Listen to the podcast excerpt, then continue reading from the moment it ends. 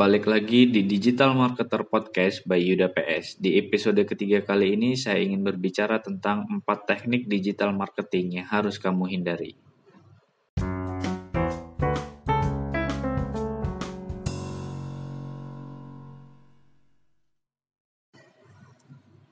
Oke, jadi eh, pernah nggak sih kamu ngerasa kayak waktu tuh cepet banget ya berlalunya ya? Kok udah tiba-tiba udah malam aja gitu? Padahal tadi baru ngerjain eh, beberapa pekerjaan, sekarang udah ngerasanya malam aja udah harus pulang ke kan, udah pul harus pulang dari kantor gitu kan.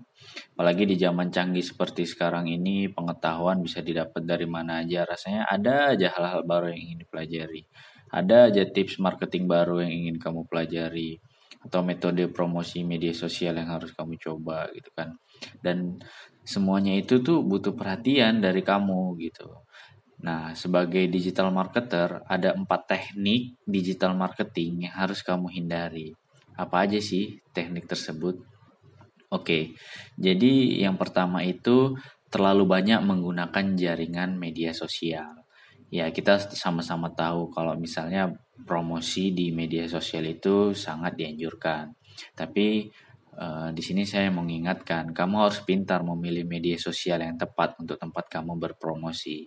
Apalagi kalau bagi kamu yang uh, baru menjalankan bisnis dan bisnis kamu tuh belum terlalu besar, kamu mempunyai sumber daya manusia yang terbatas gitu kan. Jadi memilih media sosial yang tepat itu sangat disarankan untuk kamu sehingga kamu bisa fokus promosi dan kamu juga bisa hemat untuk berpromosi gitu.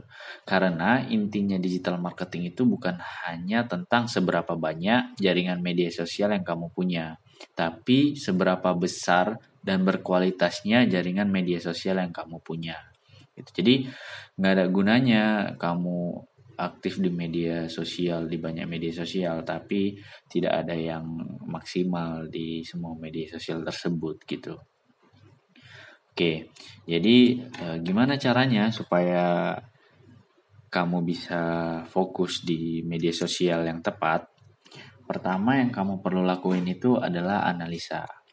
Analisa bisnis kamu nih sebenarnya targetnya siapa sih gitu Mungkin uh, bisa kamu analisa dari beberapa pertanyaan yang saya sebutin berikut ini. Yang pertama, cara kamu menganalisa itu coba tanya, di mana sih target bisnis kamu gitu.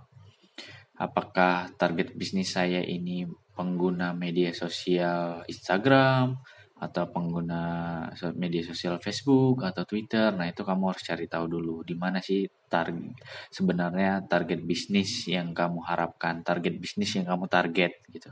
Di manakah calon klien kamu gitu. Terus di mana biasanya target bisnis kamu tuh beraktivitas kayak ya yang kayak saya bilang tadi mereka biasanya aktif di media sosial apa apakah media sosial Instagram atau media sosial Facebook atau Twitter atau bahkan LinkedIn Nah, kamu harus cari tahu itu dulu gitu.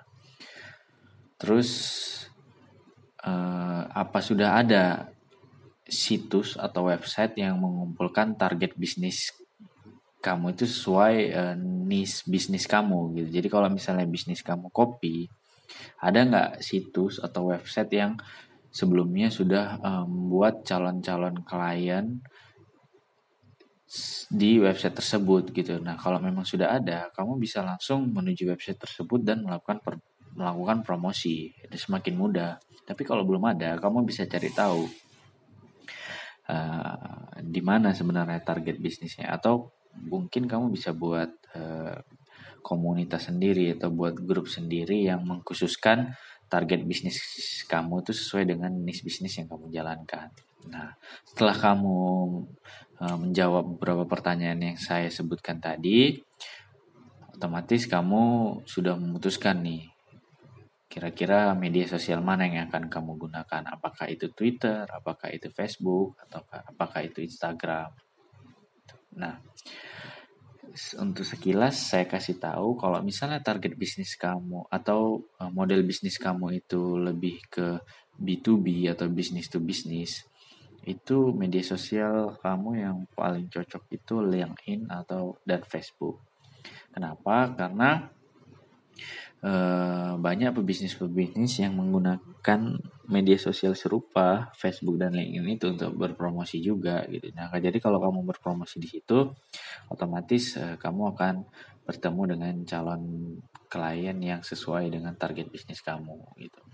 Nah, kalau kamu lihatnya dari sisi usia yang lebih muda, misalnya dari rentang target kamu bisnis kamu itu dari rentang usia 18 sampai eh, uh, 30 gitu kan. Kamu bisa menggunakan Instagram sebagai promosi. Tapi ingat, kalau kamu sudah memutuskan menggunakan media sosial Instagram, sebaiknya produk ataupun jasa yang kamu tawarkan itu bisa uh, menampilkan gambar yang bagus. Karena kenapa? Karena media sosial Instagram itu dia konteks dari kontennya itu harus gambar. Selain gambar bisa video. Nah, oleh karena itu sebaiknya apabila kamu sudah memutuskan pakai media sosial Instagram, setidaknya ya produk atau jasa kamu bisa difoto dengan baik dan ditampilkan di Instagram dengan baik gitu sehingga calon klien kamu bisa melihat dan percaya dengan produk ataupun jasa yang kamu tawarkan gitu. Oke, jadi itu tadi yang pertama. Sebaiknya jangan terlalu banyak menggunakan jaringan media sosial. Cukup satu, tentuin atau satu atau dua, oke okay lah. Tentuin media sosial mana yang akan kamu pakai untuk berpromosi. Selanjutnya kamu fokus di media tersebut. Ciptakan suasana yang engaging dengan followers kamu balas setiap komen di akun media sosial yang kamu jalanin. Apabila ada pertanyaan yang terkait dengan bisnis kamu, jawab dengan segera. Buat suasana engaging. Karena uh, algoritma dari media sosial itu selalu melihat uh, konten-konten yang memang banyak di like, banyak di share. Nah, kalau misalnya konten kamu itu berkualitas, terus banyak yang nge-like, banyak yang nge-share, otomatis algoritma dari media sosial tersebut bakalan ngebuat konten kamu menjadi viral. Nah, kalau udah viral konten kamu, otomatis eh, calon-calon klien kamu yang tadi nggak kenal sama kamu, jadinya kenal, terus uh, tercipta suasana engaging, mereka percaya kalau kamu memang kredibilitas, mempunyai kredibilitas kalau kamu memang ahli di bidang tersebut. Nah, makanya Eh, konversi setelah itu bakalan terjadi gitu. Ingat, jangan terlalu banyak menggunakan jaringan media sosial. Tentukan media sosial mana yang cocok dengan target bisnis kamu dan fokuslah hanya di media sosial tersebut. Buat konten semenarik mungkin. Oke, yang kedua itu memiliki banyak akun di media sosial yang sama. Gimana maksudnya? Contoh nama brand kamu uh, kopi hitam misalnya. Oke. Terus kamu buat uh, kamu udah nentuin ya media sosial mana contohnya Instagram atau Twitter. Oke, Twitter kita kasih contoh. Terus kamu buat akun uh, customer kopi hitam, marketing kopi hitam, terus education kopi hitam, news kopi hitam gitu. Contohnya itu uh, beberapa akun kopi hitam untuk di satu media sosial Twitter. Nah, bayangkan kalau misalnya tadi kamu tentuin dua media sosial, berarti kamu punya 10 media 10 akun media sosial yang harus kamu uh, kerjakan, yang harus kamu uh, pantau. Itu sungguh buang-buang waktu dan tidak perlu untuk bisnis yang baru mulai. Beda hal kalau misalnya bisnis kamu udah sebesar Apple, kamu bisa cek Eh, beberapa akun media sosial dari Apple itu mereka punya akun Apple, terus Apple Support sendiri, akun Apple Music sendiri, Apple Podcast sendiri, Apple News sendiri, Apple Education sendiri. Ya itu nggak masalah karena memang uh, mereka butuh akun seperti itu gitu. Dan tiap-tiap bagian itu punya uh, kepentingannya masing-masing dan pas dan tentu mereka punya sumber daya manusia yang memadai sehingga untuk menangani beberapa akun seperti ini mereka tidak bakalan kesusahan.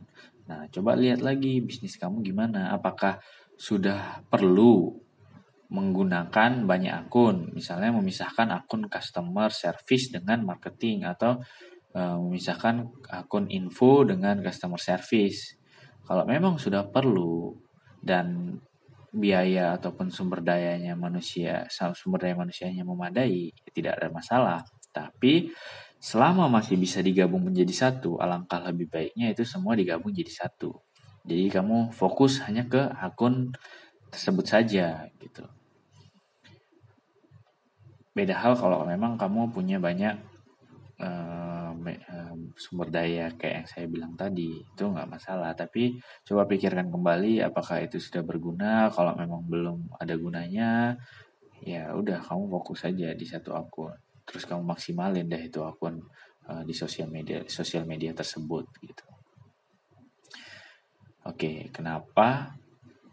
Karena kalau kamu fokus di satu media sosial, itu tuh fungsinya sangat bagus buat kamu. Salah satunya itu dapat memperkuat brand kamu dan membuat klien kamu tuh nggak bingung ini mana sih sebenarnya yang harus aku ikutin ini ada akun A akun B akun C gitu jadi kamu kalau kamu fokus di satu akun aja followers kamu juga bakalan setia ngikutin kamu oh iya mereka uh, sering update nya di sini dan ini informasinya bagus kontennya bagus gitu kan jadi Eh, mereka tidak bingung ngikutinnya.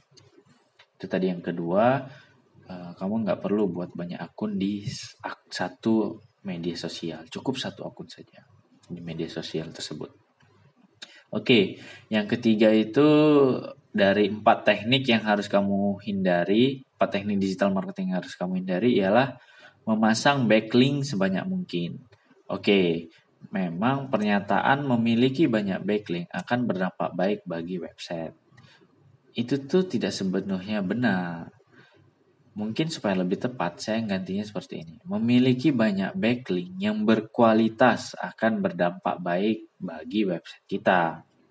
Oke, nggak ada gunanya kamu punya banyak backlink, tapi backlink tersebut tidak berkualitas lebih baik sedikit tapi semua backlink yang kamu dapat itu benar-benar berkualitas itu lebih baik buat mempengaruhi posisi uh, website di Google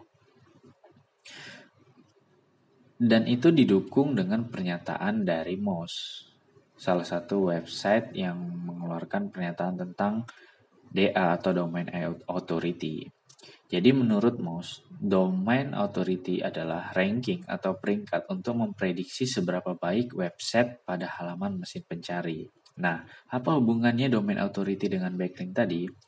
Kualitas backlink sangat penting untuk SEO dan kualitas link atau backlink yang dihubungkan ke website kamu itu ditentukan oleh domain authority. Nah, oleh karena itu, dibilang Moss tadi, domain authority adalah ranking atau peringkat untuk memprediksi seberapa baik website pada halaman mesin pencari. Nah, jadi begitu kamu dapat backlink, kamu lihat nih uh, website yang nge-backlink kamu itu domain authority-nya udah berapa? Udah oke okay belum ya? Kalau misalnya belum, berarti backlink yang kamu dapat itu belum berkualitas. Gimana sih cara menghitung DA itu atau domain authority itu? DA atau Domain Authority dihitung dengan mengevaluasi beberapa faktor. Gitu. Termasuk backlink berkualitas dan domain yang memberikan backlink ke website kita. Kemudian, nilai atau skor ini dapat digunakan untuk membandingkan satu website dengan website lainnya dari waktu ke waktu. Nah, oleh karena itu, mendapatkan backlink dari website yang mempunyai nilai DA tinggi lebih baik daripada mendapatkan backlink dari sembarangan website. Nah, coba nih perhat kamu perhatikan lagi uh, di tools SEO yang sering kamu pakai. Apakah backlink yang kamu dapatkan di website kamu itu sudah didapat dari website yang memiliki DA tinggi, memiliki DA yang lebih tinggi. Kalau memang sudah, itu berarti baik bagus. Nah, kalau misalnya belum, kamu harus mikir nih gimana nih caranya supaya dapat backlink yang uh, lebih bagus lagi. Nah, salah satu cara dapatkan backlink itu kamu bisa melakukan guys blogging. Salah satu cara untuk mendapatkan backlink yang berkualitas, kamu bisa melakukan guys blogging atau membuat konten yang layak untuk di-share. Gitu. Gimana caranya? Nanti saya akan eh, membagikan di uh, podcast selanjutnya karena cara menjelaskan guys blogging dan konten yang layak untuk di-share itu terlalu panjang caranya. Oke, nanti saya akan uh, jelaskan di podcast selanjutnya. Jadi uh, yang ketiga tadi adalah memasang backlink sejak sebanyak mungkin itu harus dihindari. Tapi kalau misalnya kamu dapat backlink yang bagus, nggak apa-apa, itu bagus. Yang nggak boleh ialah backlink yang tidak berkualitas. Yang ke, teknik yang keempat yang harus dihindari ialah memposting banyak blog sekaligus. Oke, mempunyai blog yang update sangat baik untuk peringkat website di pencarian. Tapi kamu harus lihat juga, kamu harus juga memperhatikan kualitas dari artikel yang kamu buat. Itu percuma apabila kamu update banyak artikel sekaligus, tapi artikel tersebut tidak berkualitas. Lebih baik Buat satu artikel, fokus di artikel tersebut, kemudian kamu share. Karena membuat sebuah artikel yang berkualitas tentu membutuhkan banyak waktu dan tenaga. Nah, waktu dan tenaga tersebut sangat terbatas, apalagi untuk bisnis yang masih kecil. Beda hal kalau kamu tadinya sudah punya tim konten sendiri, itu akan lebih mudah. Dan itu pun masih membutuhkan waktu dan tenaga yang tidak sedikit untuk membuat konten yang berkualitas tadi gitu. Jadi daripada uh, kamu uh, memposting banyak blog sekaligus, ah saya mau ngejar target nih satu minggu harus 12 artikel gitu. Tapi kamu punya waktu dan sumber daya yang terbatas. Nah, alangkah lebih baiknya uh, kamu optimalin satu minggu itu, misalnya kamu atur, oke okay, satu minggu kita buat artikel sebanyak tiga jadi dalam dua hari kita buat satu artikel gitu. Jadi satu minggu itu enam hari ada uh, tiga artikel. Oke dalam dua hari itu kita kumpulin sumber uh, artikelnya, kita cari referensi artikel yang bagus, kita optimalin, kita buat gambar, kita buat infografis. Nah sudah merasa oke, okay, baru kita publish. Lebih baik seperti itu daripada ngejar uh, satu minggu 12 kali 12 artikel tapi artikel tersebut artikelnya tidak ada yang berkualitas. Ingat, utamakan kualitas dibanding dengan kuantitas. Seperti apa sih artikel yang berkualitas itu? Jawabannya mudah. Artikel yang berkualitas itu ialah artikel yang bisa memberikan nilai kepada pembacanya. Jadi setelah kamu buat artikel, coba kamu baca ulang artikel yang kamu buat. Kira-kira artikel yang kamu buat ini udah bisa belum memberikan nilai kepada pembacanya? Udah jelas belum udah jelas tersampaikan belum uh, pesan yang ingin kamu sampaikan di artikel tersebut? Kalau sudah, oke, okay, silahkan publish, kemudian promosikan. Kalau belum, coba ulang di bagian mana dia yang uh, masih kurang gitu. Jadi, jangan habiskan waktu kamu untuk membuat dan memposting banyak artikel sekaligus, tapi sebaiknya gunakan waktu kamu untuk riset topik artikel yang berkualitas. Gitu. Oke, jadi itu tadi empat teknik uh, digital marketing yang harus kamu hindari. Kalau bisa saya buat kesimpulannya seperti ini. Waktu kamu tuh sangat berharga dalam menjalankan bisnis. Oleh karena itu, gunakanlah waktu kamu untuk mengembangkan bisnis tersebut. Hindari melakukan kegiatan yang akan membuang waktu kamu. Ada empat kegiatan yang harus kamu hentikan sekarang juga dalam digital marketing. Yang pertama, hindari menggunakan banyak jaringan media sosial untuk berpromosi. Analisa target bisnis kamu. Tentukan jaringan media sosial yang cocok untuk bisnis kamu. Kemudian fokus di media sosial tersebut. Yang kedua, hindari memiliki banyak akun di satu media sosial yang sama. Usahakan menggabungkan satu akun di masing-masing media sosial saja. Karena fokus di satu akun media sosial dapat memperkuat brand kamu dan tentunya membuat klien tidak bingung untuk mengikuti kamu. Poin ketiga, hindari memasang backlink yang tidak berkualitas sekaligus. Lebih baik fokus untuk mendapatkan backlink dari website yang memiliki nilai DA atau domain authority yang tinggi. Yang keempat, hindari memposting banyak blog sekaligus. Sebaiknya kamu fokus untuk melakukan riset dan membuat artikel yang berkualitas. Artikel yang berkualitas adalah artikel yang memberikan nilai kepada pembacanya. Ingat, lebih penting kualitas daripada kuantitas. Oke, jadi Uh, itu yang bisa saya sampaikan di podcast saya kali ini. Ada empat teknik digital marketing yang harus kamu hindarin. Udah, jangan buang-buang waktu lagi untuk melakukannya. Hindari langsung. Nah, kamu bisa fokus ke teknik yang lainnya yang bisa lebih meningkatkan promosi di digital marketing. Nah, untuk podcast saya kali ini, saya rasa cukup sekian. Eh, sampai jumpa di podcast saya selanjutnya. Terima kasih, semoga podcast ini bermanfaat. Salam.